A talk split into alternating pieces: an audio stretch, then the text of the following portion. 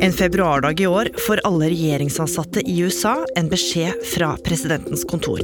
De får én måned på seg til å slette appen TikTok fra telefonene sine. TikTok is owned by the Chinese tech giant ByteDance, and there are concerns that the app can be used for spying or propaganda by the Chinese Communist. Hvordan TikTok ble en brikke i et storpolitisk spill mellom USA og Kina, er bare én av episodene Oppdatert kan by på denne uka. Du kan også høre mer om dette.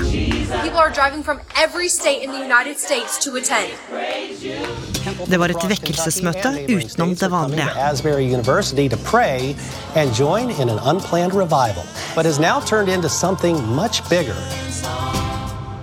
Hva var det som fikk tusenvis av mennesker til å legge ut på en spontan pilegrimsreise til den lille byen Wilmore?